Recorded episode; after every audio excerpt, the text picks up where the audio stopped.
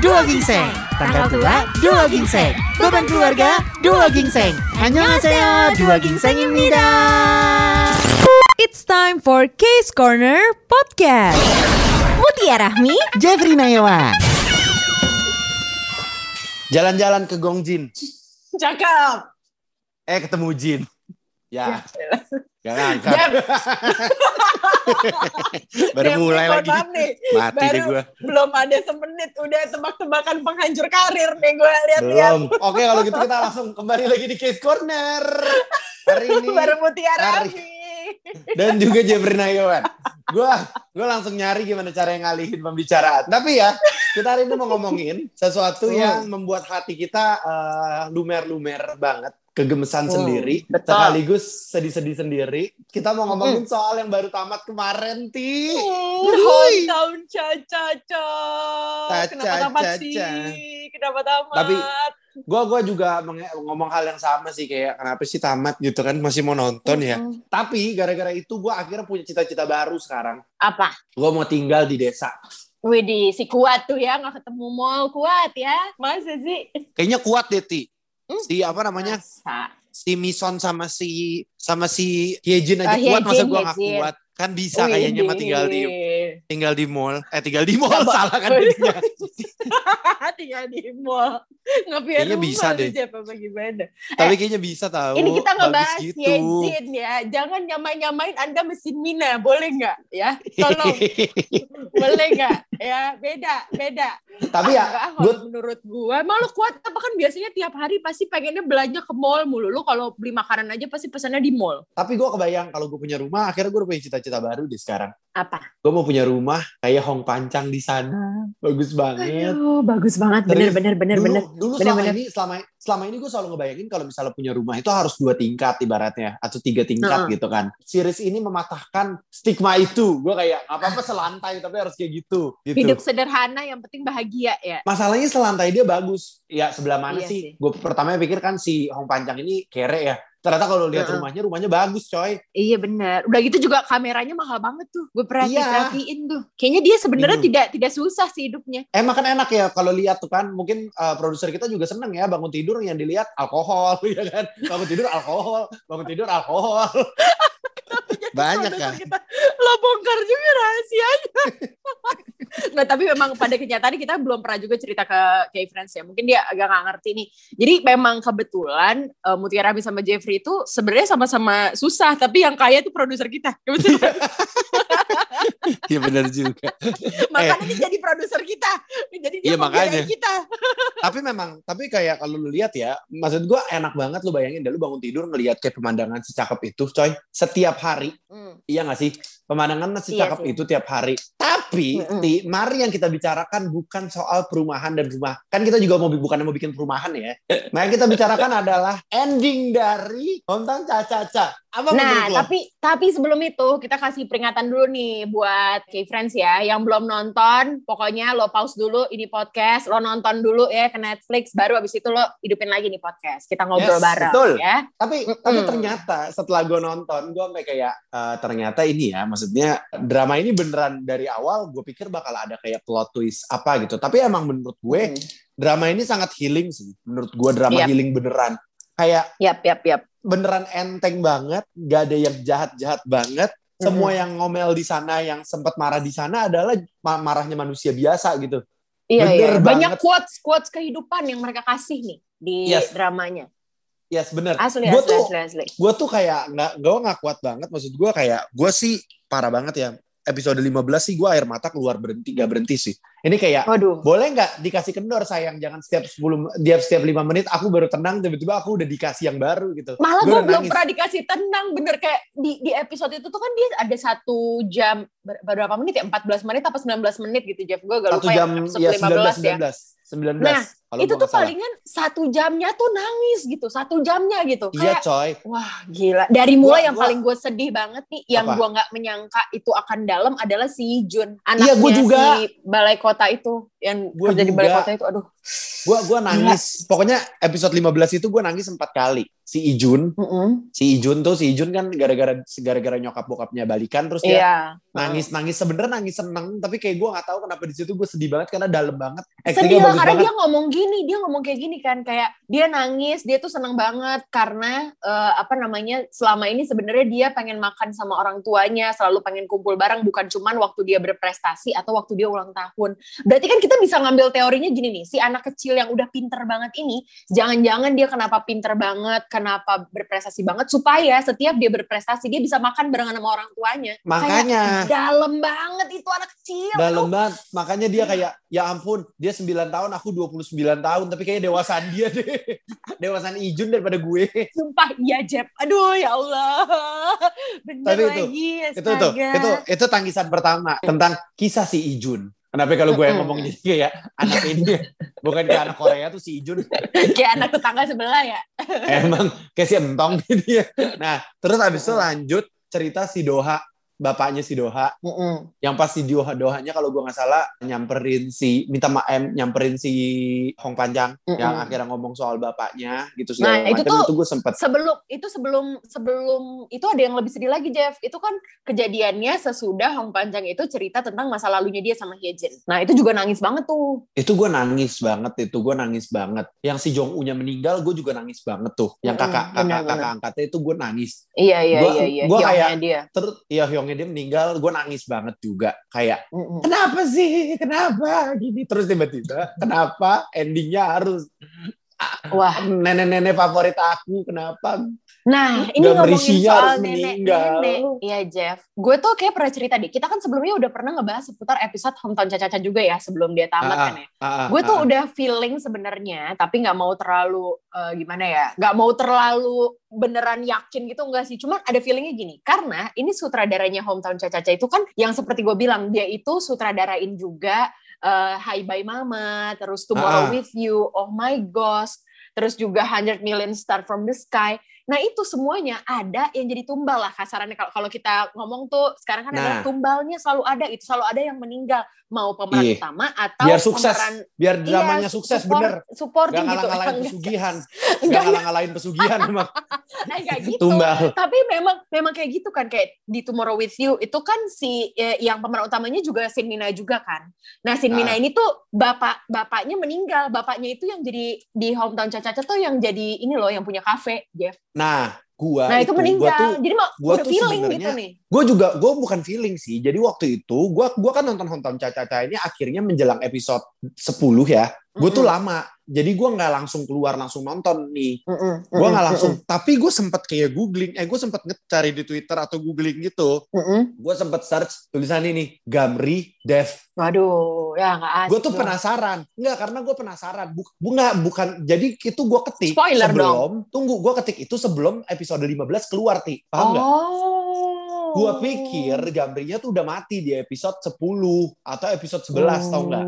Jadi gua kayak gue jadi gue udah feeling juga dia mati sih sebenarnya. Tapi gue kayak ternyata pas beneran mati terus matinya kan peaceful banget tuh. Iya. Itu gue kayak ya ampun gila sih. Emang emang apa tadi lu bilang sutradaranya sama sama eh, sama ini ya Hai Bye Mama ya berarti kan? Hai Bye Mama, Ini- Tomorrow With You, sama-sama semua. iya gue sampai ngerasa gini lo bisa membuat semua kematian ini indah gitu loh. Lo Yep. tuh makan banget sih. Satu satu episode itu lu bisa bikin semua mengharukan banget sih. Maksud gue kayak awalnya dramanya lucu gitu-gitu segala macem. Lu tutup pakai kayak gini Iya, sampai jadi mereka tuh hari loh. ini gue siaran Ini salah satu drama yang kalau menurut gue, dia tuh bisa kita lihat misalnya gini, sebelum tahun ini kalau buat gue pribadi ya Jeff, itu tuh ada di Reply 1988. Jadi karakternya semuanya dibangun, nggak ada karakter Nah, sia-sia. iya, iya, nah iya, di iya, Hometown Caca-Caca, ini juga nggak ada karakter yang sia-sia. Jadi kita dibangun pelan-pelan sama leluconnya dia. Kan sebenarnya karakternya nggak sesempurna itu kan. Ada minusnya misalnya kayak suka gosip, tapi tuh di balik Ah. itu sebenarnya dia punya cerita sendiri. Anak anaknya yang udah meninggal segala macam. Itu tuh gak ada karakter yang sia-sia sama sekali. Namsuk, Namsuk favorit aku, ibu-ibu penggosip aku berasa relate kalau ketemu bener dia. bener bener Kayak, bener Eh, kayak gue bisa get along deh buat ngegosip bareng. kayaknya lo cocok ya jadi anaknya dia ya Jeff ya. Bukan anak, temen ngegosip temen arisan gue cocok. temen arisan ya eh tapi dia emang dia tuh memang penghibur banget sih di hometown Caca emang lucu banget nah itu semua orang tuh punya cerita gitu apalagi Nenek Gamri ini ternyata pas kita tahu di episode 15 yang bikin eh, siapa namanya Hong Tusik nggak jadi Iya. bunuh diri kan adalah dia gitu ternyata itu itu ya. gue nangis juga. Itu Wah. justru gue nangis tuh di situ nangis total gue. Oh, Wah. sorry, yang bikin bukan bokapnya Doha yang bikin gue nangis. Apa? Cerita itu. Eh, Apa? pas si eh, kakak eh, istrinya si Sona Sona datang sama anaknya si Harang ya Harang ya kalau gue nggak salah Uh-uh. nama anaknya. Iya itu kan dia benar, datang tuh akhirnya ketemu tuh sama dia. Iya. Kuras bang kuras iya. Peras Iya. bang peras nggak kuat aku nggak bisa nggak bisa gue kayak udah nggak bisa tisu udahlah ember mana ember? Boleh iya udah nggak bisa gue sedih banget. Tapi tapi gue cukup senang sih maksud gue cukup senang. Terus kayak episode 15 sudah dibikin sedih episode 16 juga gue dibikin nangis banget sih. Maksudnya awal kayak ya, pas di pemakaman ya nenek ya? si Gamrinya meninggal terus gue paling pas gue yang gue nangis jadi tuh di episode 16 itu gue nangis dua kali ti. Pas si Wah. eh, ny- anaknya, itu Anaknya ngomong soal sih? nyokapnya. Benar. Ya benar benar pas benar anaknya benar gue langsung kayak tinjau diri nih. Terus gue langsung kayak langsung pengen ajak nyokap gue jalan-jalan. Ayo kita jalan-jalan betul. Eh gue gue abis nonton hometown Caca beneran literally gue meluk nyokap gue.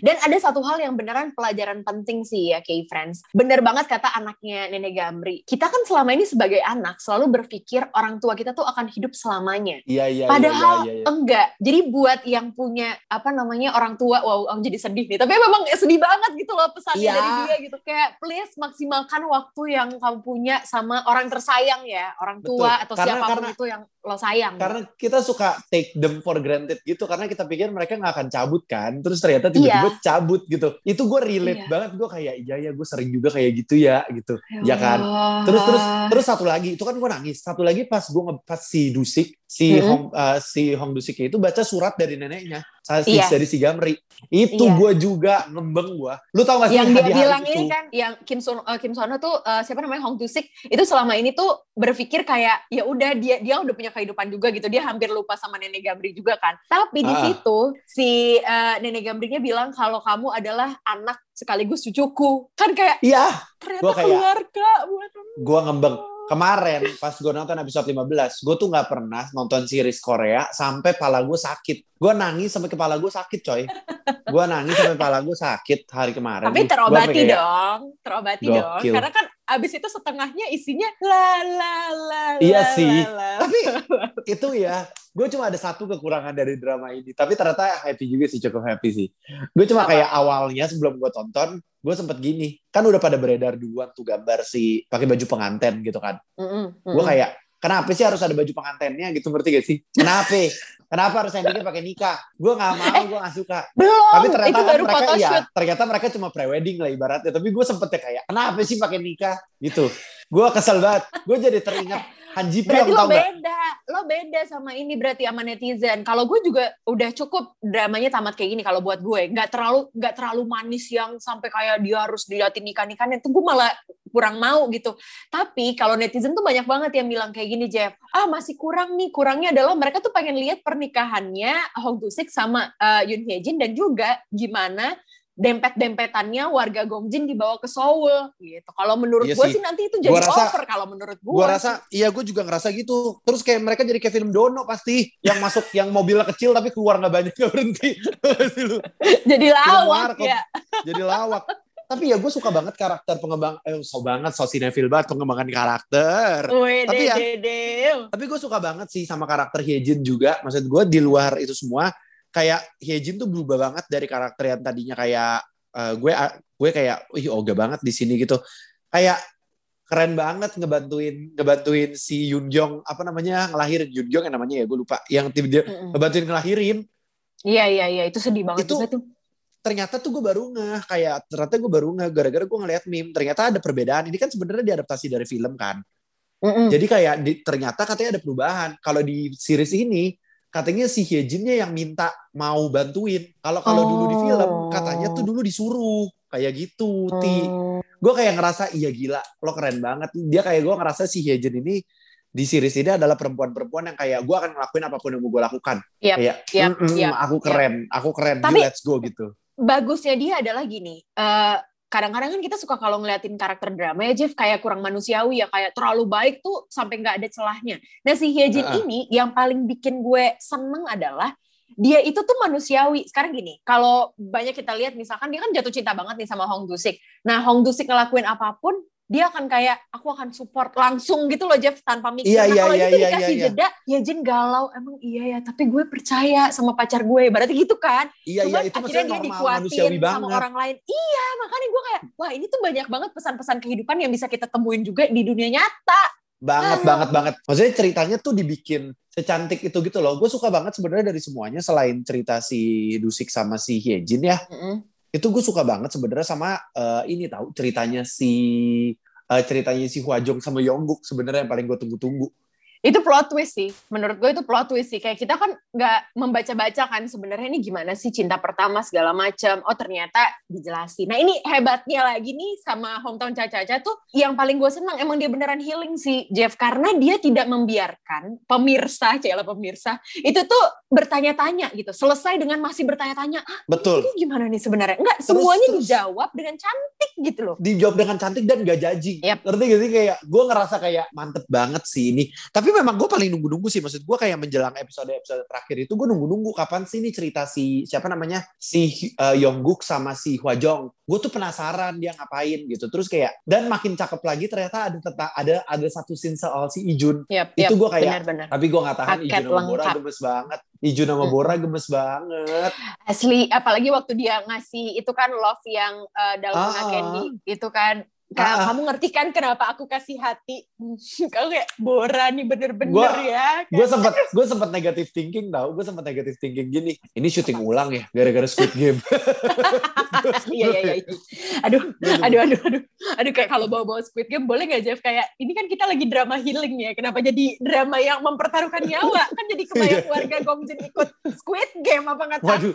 Kalau warga Gongjin ikut Squid Game gue rasa yang menang Namsuk sih Iya, gue juga kepikiran kayak Namsuk deh yang menang. Kalau nggak, udah Bora yang menang. iya Bora kalau enggak tapi tapi gila gue suka banget gue dari semua cerita selain si Dusik sama ini gue suka banget couple ini juga tahu si Uncol Ini sama ya, si Mison Encol. Aduh. Iya, Encol sama Mison. si kaya raya si kaya raya Ternyata Ya dia yang ampun. dapat lotre. Gua kalau- Tolong. Gue kalau dapat lotre kayak dia ya kan gue hitung gue pas lagi nonton gue hitung ya satu setengah bilion gue awalnya masih kayak gini oh dikit juga satu setengah bilion paling cuma 150 juta ternyata satu setengah bilion tuh maksudnya satu setengah m terus gue kayak berarti dia dapat satu triliun coy Gila, dia kaya banget ya ternyata. Diam-diam, kalem-kalem kaya. Aduh, kapan ya, Jeb? Pengen dah gue ke Gongjin, tapi ntar ketemunya yang macam begitu yang menang lotre. Alah lu, lu mah maunya yang dia. Ini mah yang penting yang penting menang lotre aja. Bukan bukan sifatnya, bukan apa-apanya. Yang penting lotre. Materialistis, heran. Uang. Uang adalah uang. Uang, Uang. uang. Aku butuh uang. Case Corner Podcast. Mutia Rahmi Jeffrey Nayawan.